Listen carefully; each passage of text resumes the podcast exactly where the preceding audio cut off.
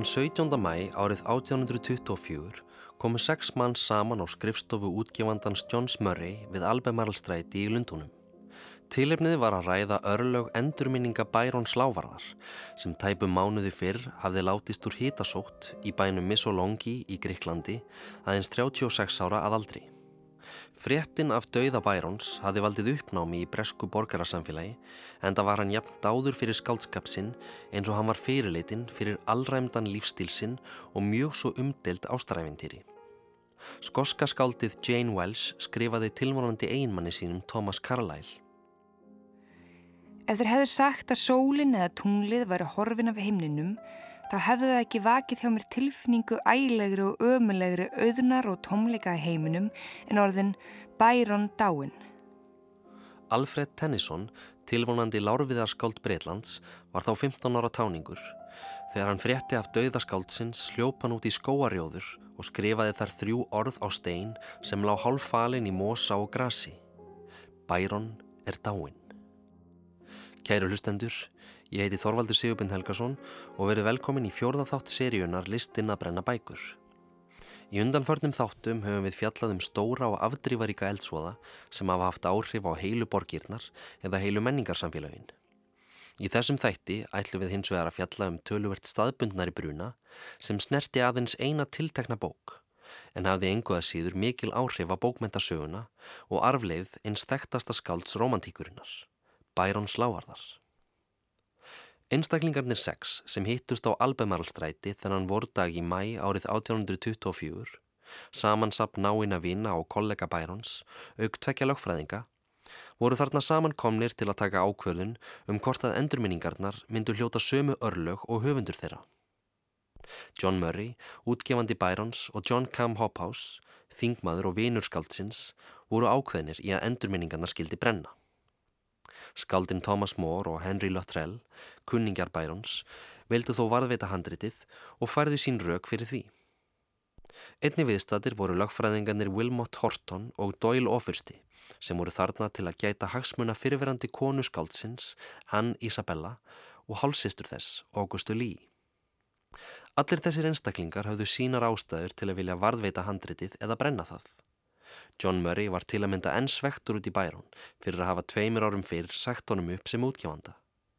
John Cam Hophouse var einn nánasti vinur Byrons frá því á háskóla árum þeirra í Cambridge en hann hafði nýlega verið kosin inn á breska þingið og hafði eftir vill áhyggjur af því að endurminningarnar innuhjeldu sögur af bernskubrekum þeirra félagana sem gætu komið illa saman við ímynd hans sem verðulegs þingmanns.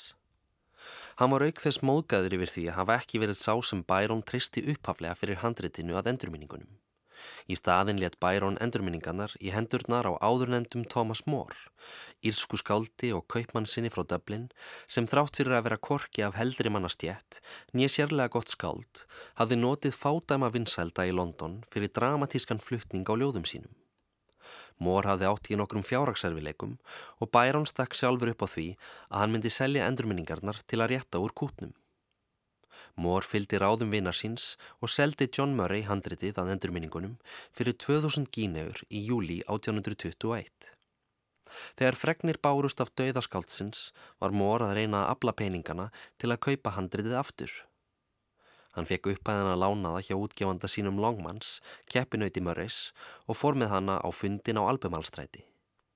John Murray brást ítla við þessum tilraunum Mórs til að endurheimta handritið og reyti í skáldið.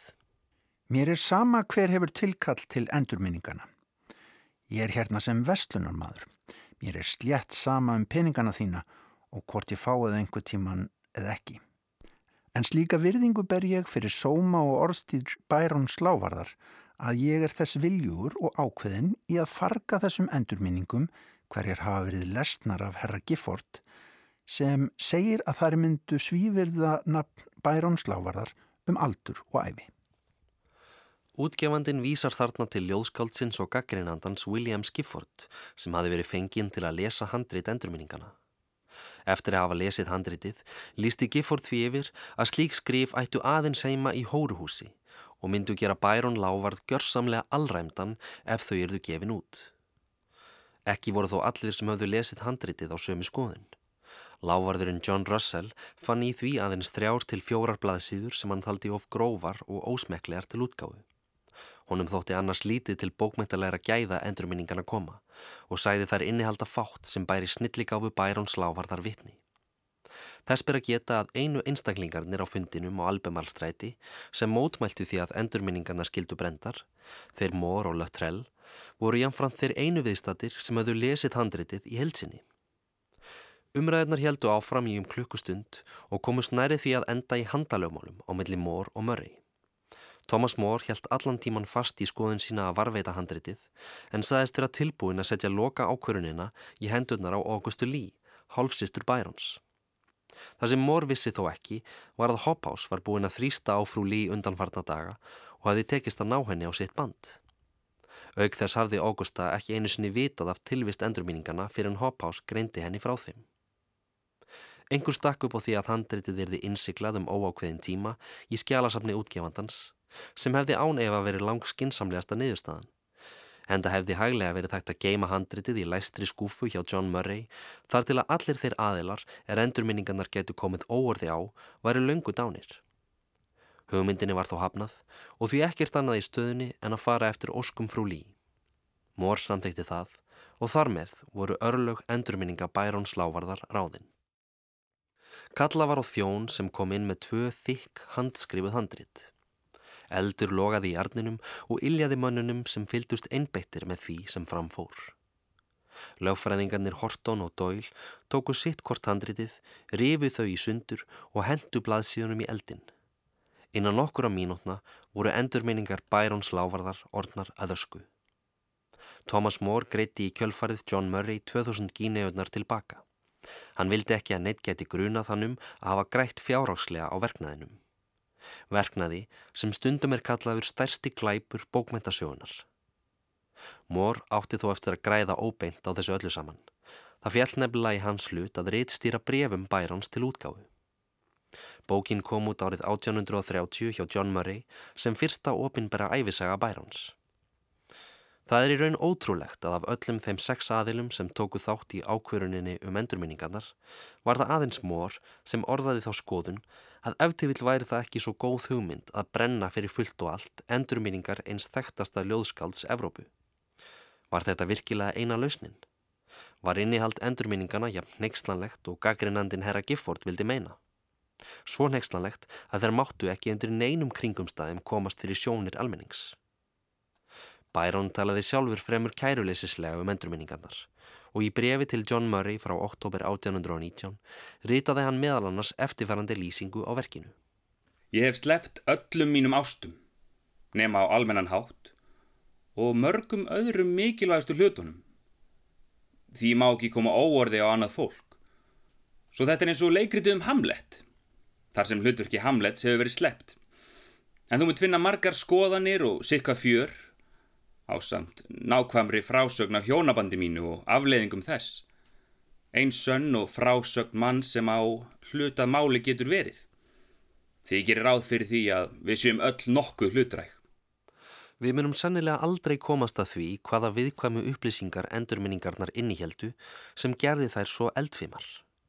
Svo vitneskja dómið þeim örfáu einstaklingum sem lásu handritið en hugsanlega er þó einhverjar vísbendningar að finna í höfundinum á bakvið orðin. Við skulum því skiknast aðeins betur í líf mannsins á bakvið góðsögnina, Bæron Lávarð.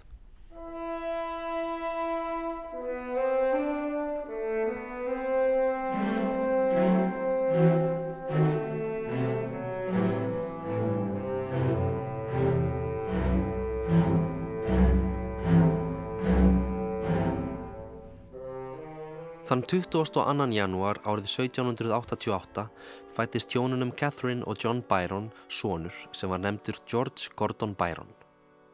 Barnið fættist í Sigurkubli, það er að segja enn umvafið fósturhimnunni sem er almennt talið mikið hellamerki.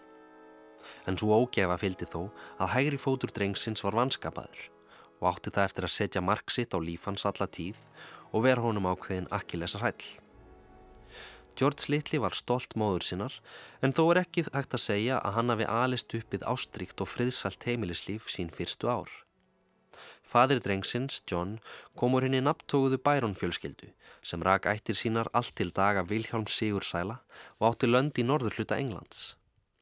John gekk ungur í herskóla nálat París þar sem hann gatt sér orðspor sem fjárgleframaður og flagari og hlaut fyrir það viðurnefnið Mad Jack. Í einum af afdrifaríkari ástræfintýrum hans vann hann sér en ástir giftrar konu, markreifa frúarinnar af Karmarthen.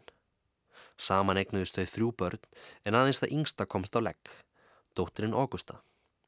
Lafði Karmarthen lést stuttu eftir fæðingu Augustu undir dularfullum kringumstæðum sem eru meðal annars ræktar til bergla eða íllrar meðferðar af höndum eiginmann síns. Jack hefur eflaust syrt eiginkonu sína að einhverju leiti en þó ekki jafn mikið og hann syrði 4000 punta líferinn sem fjallniður við andlát hennar. Hann gerði því það sem honum lág best fyrir og fann sér nýja hefðarfrú til að fleka. Catherine Gordon frá Gæt kom úr efnaðri fjölskyldu landeiganda í Skotlandi.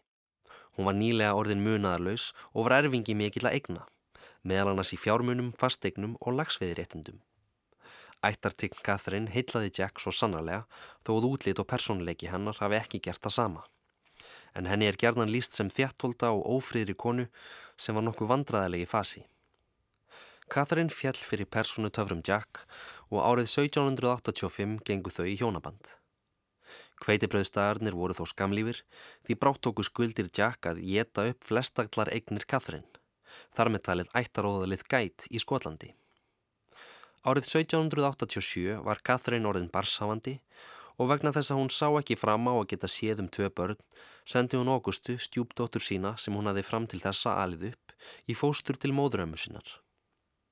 Jack Byron var um þetta leiti flúin til Fraklands undan ágangi skuldakröfumanna sinna og kerði sér kollóttan um að styðja við bakið á barsafandi eiginkonu sinni. Þegar Catherine egnaðist svo barnið í ársbyrjun 1788 eins og framöfur komið, blasti við henni örbyrðin einn. Lögfræðingar hennar í Skotlandi gáttu sett upp fyrir hana rýransjóð sem veitti einir tekjur upp á 150 sterlingspund á ári og fann hún sér litla íbúð í Aberdeen þangað sem hún flutti með sinni sínum og bartfóstru.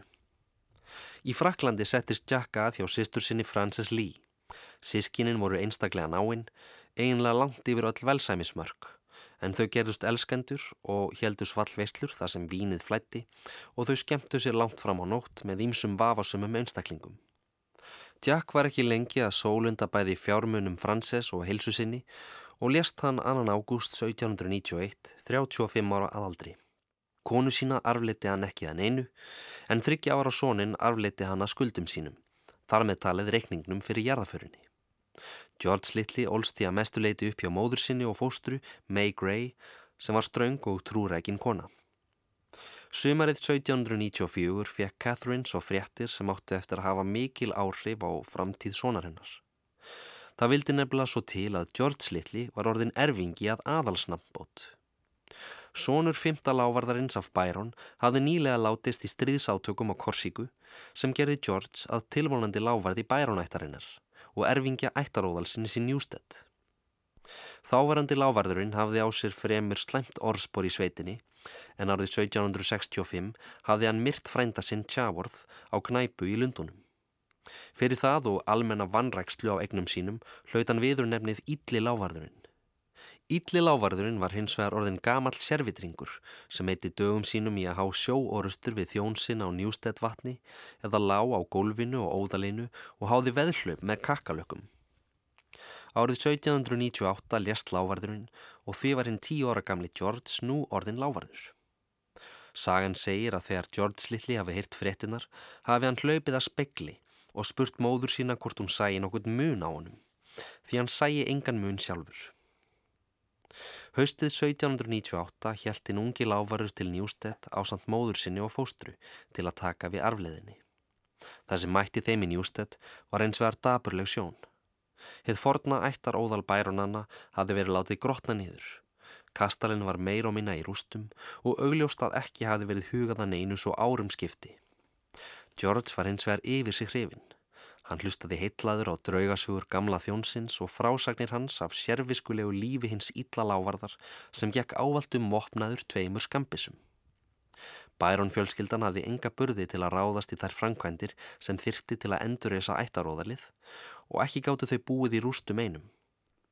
Frú Bæron legði því litla íbúð í Nottingham sem var lávarðinum unga heldur mikil vonbreyði með að við fornan glæsileika ættaróðalsins. Í byrjun árs 1799 dvaldi Bæron einn í Nottingham með fóstrusinni May Gray.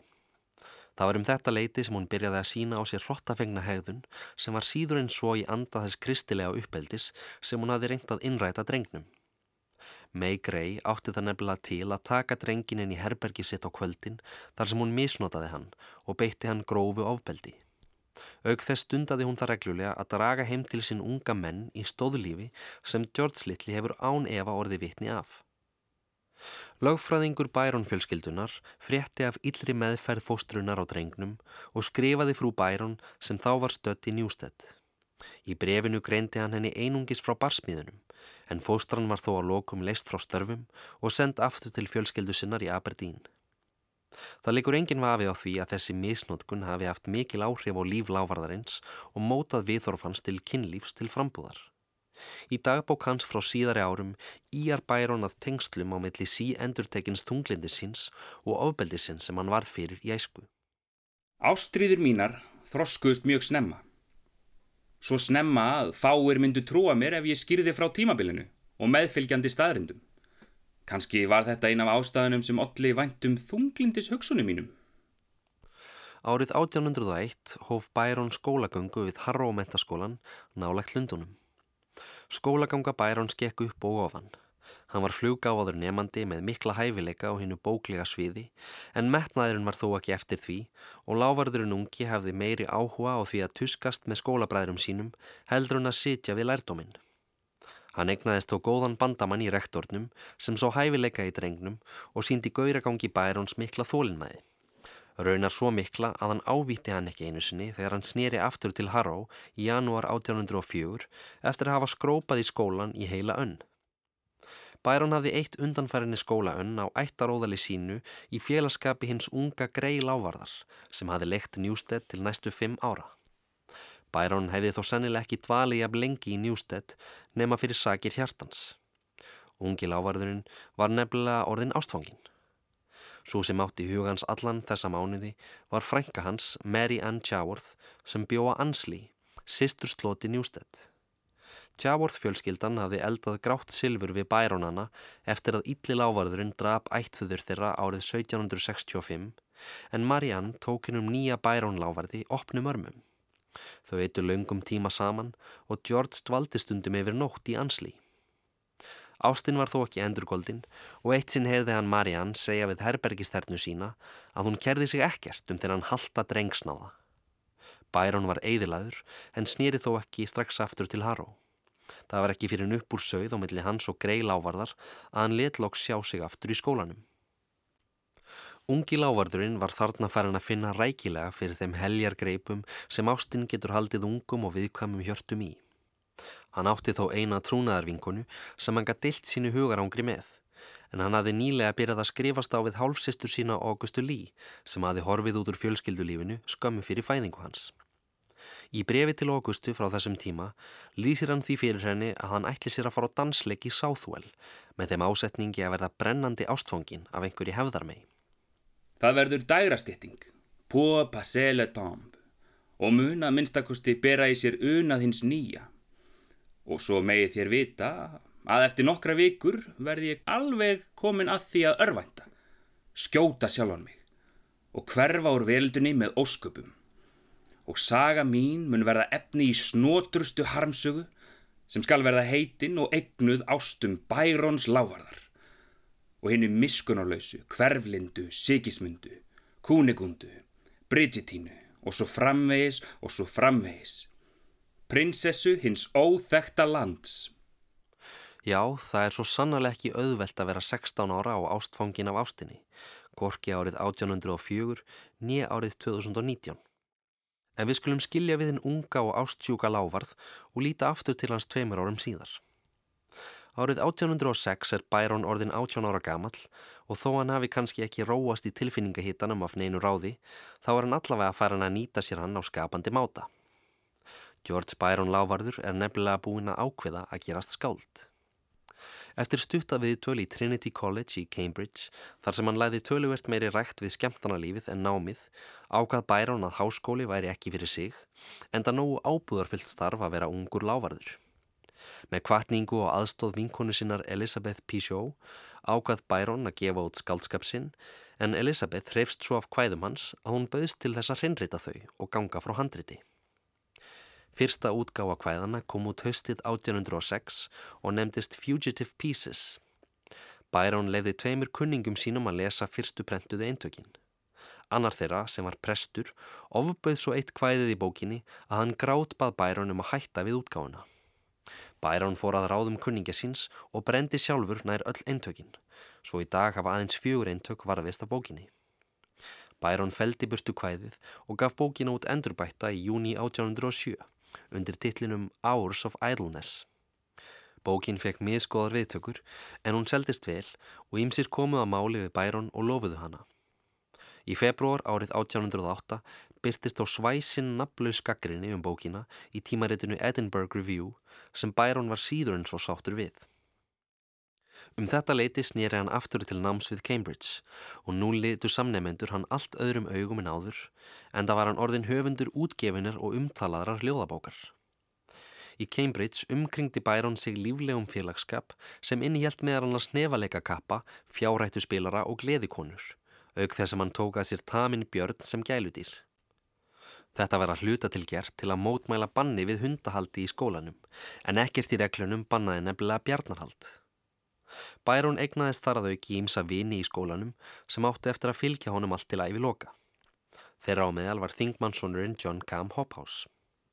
Bærún kynntist þar einnig kórdrengnum John Edelston, grannvöksnum táningsdreng með fölgullið hár og dökk augu sem átti eftir að eiga hug og hjarta lávarðarins næstu ár. Þetta var ekki í fyrsta sinn sem Bærún átti í romantískum tengslum við einstakling af sama kyni. Vínarsambund hans í Harrow hafðu einkennst af ákveðinu homoerotík og þá er talið að ósætti Bærons við grei lávarð hafi átt rætur sínar að rekja til einhvers konar romantískra dilna þeirra á milli. Edelston var þó svo fyrsti sem Bæron stopnaði til half opinbers ástasambands með sem hann rætti opinskátt við vini sína. Lávarðurinn heitlaðist gerðnar af ungum drengjum af læri stjettum sem hann gætt bjargað upp úr fátækt og verið eins konar föður ímynd, en Edelston var munaðarlaus verkamannssonur og tveimur árum yngri en Bæron. Þessi kynferðislegi hlutverkaleikur saminnaði í huga Bærons tvo álíka forbóðna en tælandi hluti, sevjaspell og samkynneðar ástir. Kynlíf á milli tvekja karlmanna var á þeim tíma bannað með lögum í Breitlandi og gáttu þeir sem fundust segir um slíkt aðtæfi verið teknir af lífi. Hvort sem Bæron þekkti raunveruleg dæmi um slíkt, þá gerði hann sér fulla grein fyrir alvarleika þess að vera fundin segur um kynvillu, eins og samkynneðar ástir voru þá gerðan kallaðar. Í brefum til vina sinna notaði hann því gerðan eins konar dullmál til að lýsa kynlífsatöfnum með drengjum til að mynda frasan coitum plenum and optabilem sem fengin er úr latnesku fornaldarskáldsögunni Satírikon og þýðir fullkomnar samfarir af öllu hjarta. Í ljósi þess hversu ströng lögin gegn samkynneið voru í Breitlandi 19. aldarinnar verður að teljast nokkuð líklegt að þessi hlið Bærons hafi átt þátt í því hvernig fór fyrir endurminningunum.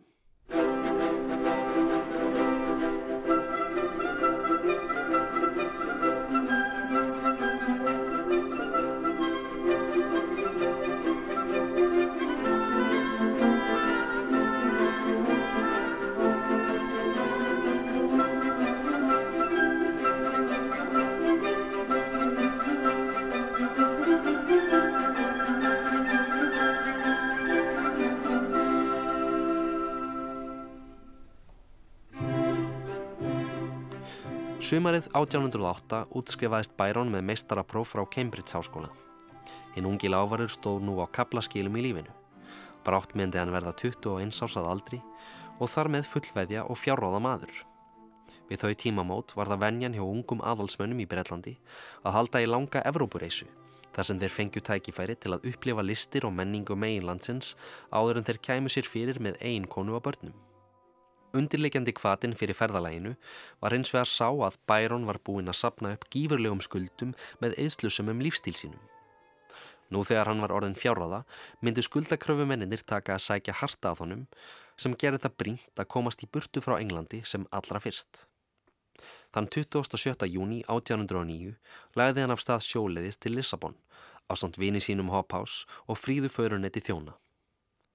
Napoleon styrjaldirnar voru þá í algleimingi og vegna þeirra neittust félagarnir til að sneiða hjá stórum hluta mið-Evrópu og einblina þessi stað á löndin í kringum miðjararhaf. Þeir heimsóttu meðal annars Portugal, Spán, Möldu, Ítalíu, Albaníu, Gríkland og Tyrkland þar sem Bæron frangvændi hitt tákgræna afreg að synda yfir Dardanellasund, sundið sem aðskilur Evrópu og Asíu. Sumarið 1810 snýri Hopphaus aftur heim til Englands en Byron helt ferðalæginu áfram í eitt ár og helt meðal annars aftur til Gríklands en hann var þá orðin mjög heitlaður af landi og þjóð. Á meðan á ferðalæginu stóð byrjaði lávarðurinn að skrifa niður kvæði sem hann ætlaði upphaflega að nefna Tjeld Búrún eftir fornum rítætti ættarnafnsins. Títillinn breyttist í Child Herald's Pilgrimage en samlíkingin við lífskaldsins einskorða sig þó ekki við upprunalega titilinn. Ljóðið segir sögu ungs aðalsmanns sem yfirgefur England vegna einhvers óskilgreint sklæps, ferðast um heiminn og reynir að finna sig. Fyrstu tveir hlutar ljóðsins voru gefnir út af John Murray í mars 1812, tæpu ári eftir að Byron snýri aftur til Englands og bókin þeitti lávarðinum unga nær samstundis upp á stjörnu heiminn breska bókmyndasamfélagsins. Byron lísti því sjálfur svo. Ég vaknaði eitt morgun og uppgötaði að ég var orðin frægur. Við skulum heyra hérna nokkur erindi úr ljóðinu í þýðingu Mattíasar Jokkumssonar sem byrtist í ljóðmælum hans.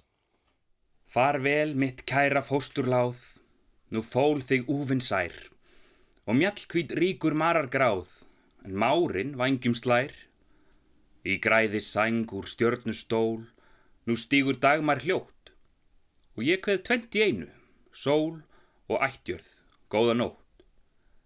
En næst er byrtist glói góð, að glæðja sæ og fold, þá sé ég eintómt ægis flóð, en enga fóstur mold.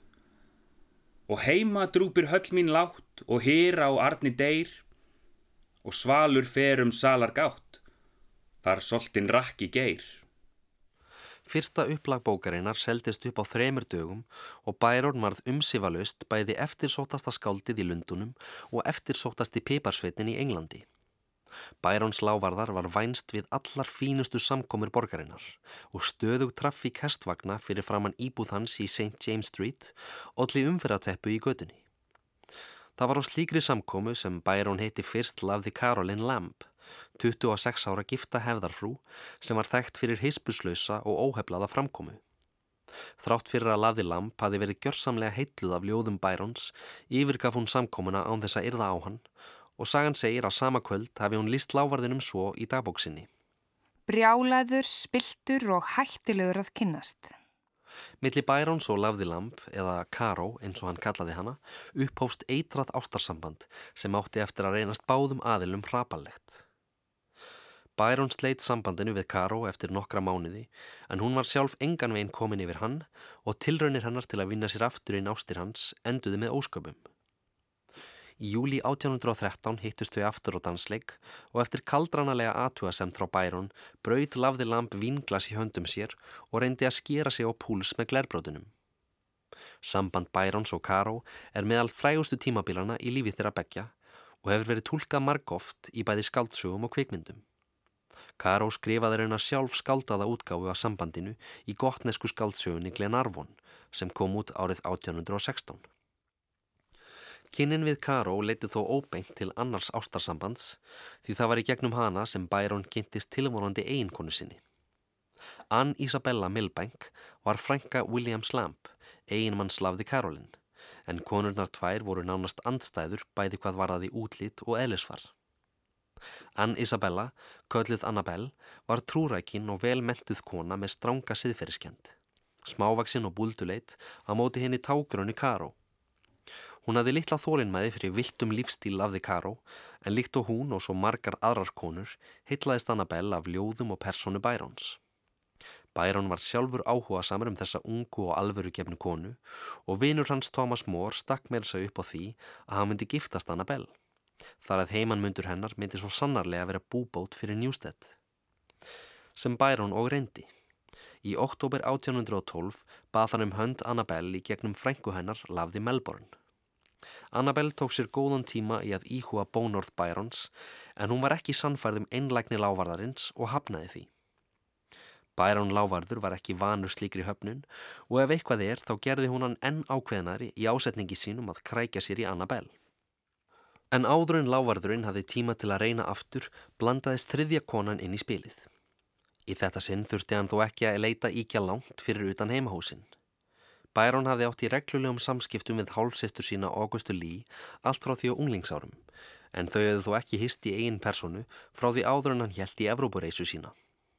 Sumarið 1813 skrifaði Augusta Byron og leitaði aðstóðar hans. Hún hafði neist til þess að flýja heimili sitt vegna fjárraksvandraða einmann síns, Lee Ofusta, sem var búin að sólundanær öllum fjármunum þeirra í fjárrættuspil.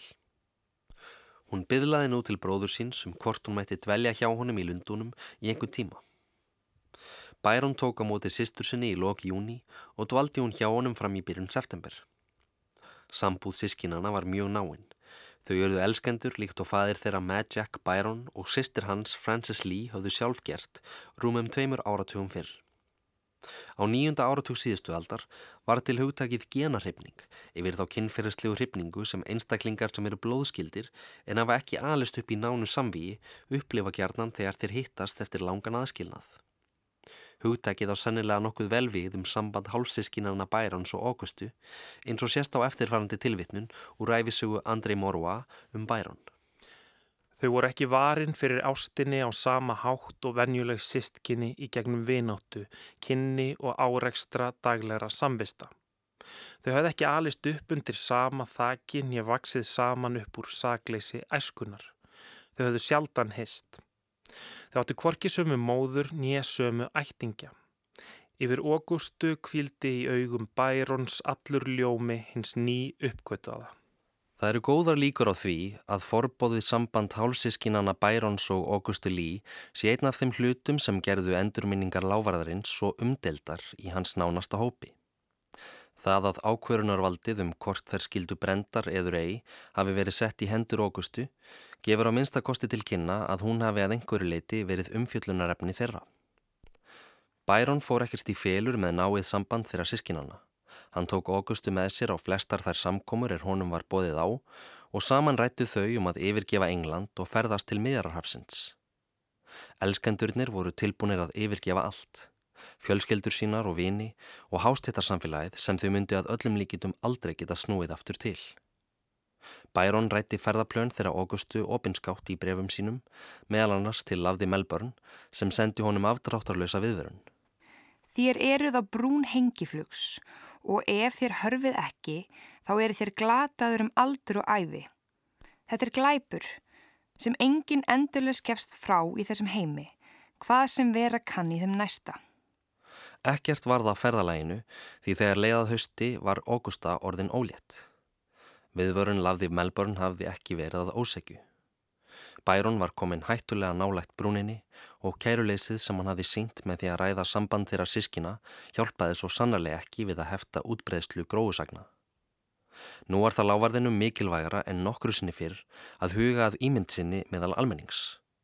Hann yrði að festa ráðsitt. Annabelle og Byron höfðu haldið áfram breyfaskriftum við hvort annað og lávarðurinn styrtist sífælt í þeirri trú um að hún væri svo eina rétta. Í byrjun september 1814 bað hann fröken Milbank í annað sinn og í þetta sinn samþekti hún. Tæpum fjórum mánuðum síðar, þann annan janúar 1815, gengu George Byron Lávarður og Anne Isabella Milbank í hjónaband. Hjónabandi var síður en svo haminguríkt. Byron hafði lítinn sem engan romantískan áhuga á konu sinni og var bæði kaldur og hranalegur við hana. Ljóðskaldið Samuel Rogers myndist síðar lýsingu á brúðköpsnótt hjónana sem hann sæðist hafa lesið í endurminningum Bærons. Samkvæmt Rogers sá lávarðurinn að hafa líst því hvernig hann vaknaði skindilega og sá kertisloga varpa ískíklegum bjarma í gegnum djúbrauður ekki tjöld sín og í kjölfarið hrópaði upp yfir sig svo hátt að kona hans vaknaði. Guð minn góður, ég er svo sannarlega í helviti. En ef hjónabandið var helviti, Það var Bæron svo sannarlega ekki þólandin. Annabelle hefði gengið að eiga láverðin sannfærð þess að hún geti breytt hinn um vilda Bæron til hins betra. Þar skjáttlaðist henni hrapalega. Meðferð Bærons á eiginkonu sinni myndi í dag flokkast undir bæði andlegt og líkamlegt heimilisofbeldi. Annabelle var orðin þunguð og vikurnar áður en barnið fættist hafði hegðun eiginmannshannar farið síversnandi. Hann styrtaði í sig koniaki og tók bræðisköst sem skildu húsgögn eftir í rústi og þjónustu fólkið skjelvingu lostið. Stundum tók hann upp á því að skjóta úr bissum sínum beint fyrir neðan herbergi Annabelle sem hnipraði sig saman af óta á meðan einmaður hennar öskraði hástöfum að hann vildi helst sjá bæði hana og barnið döið.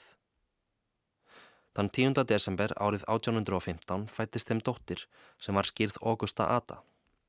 Hún átti síðar eftir að verða þektur starfræðingur og höfundur fyrsta algoritmans því að stundum talaði um hana sem fyrsta forritaran.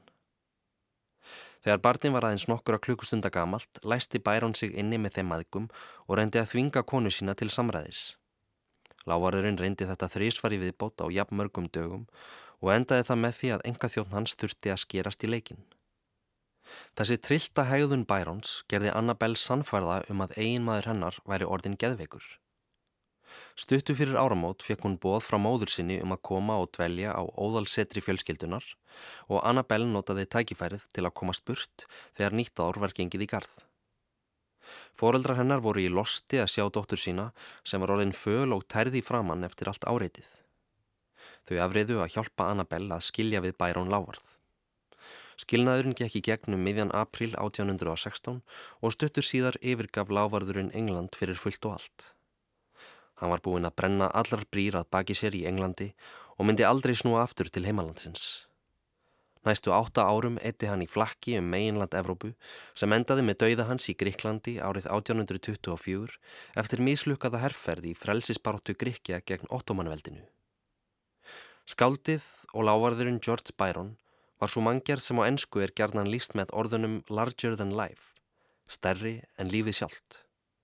Hann var á sama tíma gjörsamlega ósvífin og ómótstæðilega hillandi og minnir að því leiti á þær fjölmörgu nútíma stjörnur sem við elskum að hata og hötum að elska.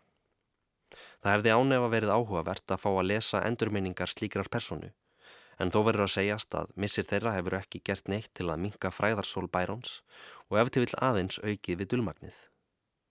Þó verður að teljast ólíklegt að Bærón hafi á einhvern hátt geta réttlægt hróttafengna meðferðina á eiginkonu sinni Annabelle og ef til vill var það aðeins fyrir bestu að hann fekk ekki að eiga loka orðið um þeirra sambúð.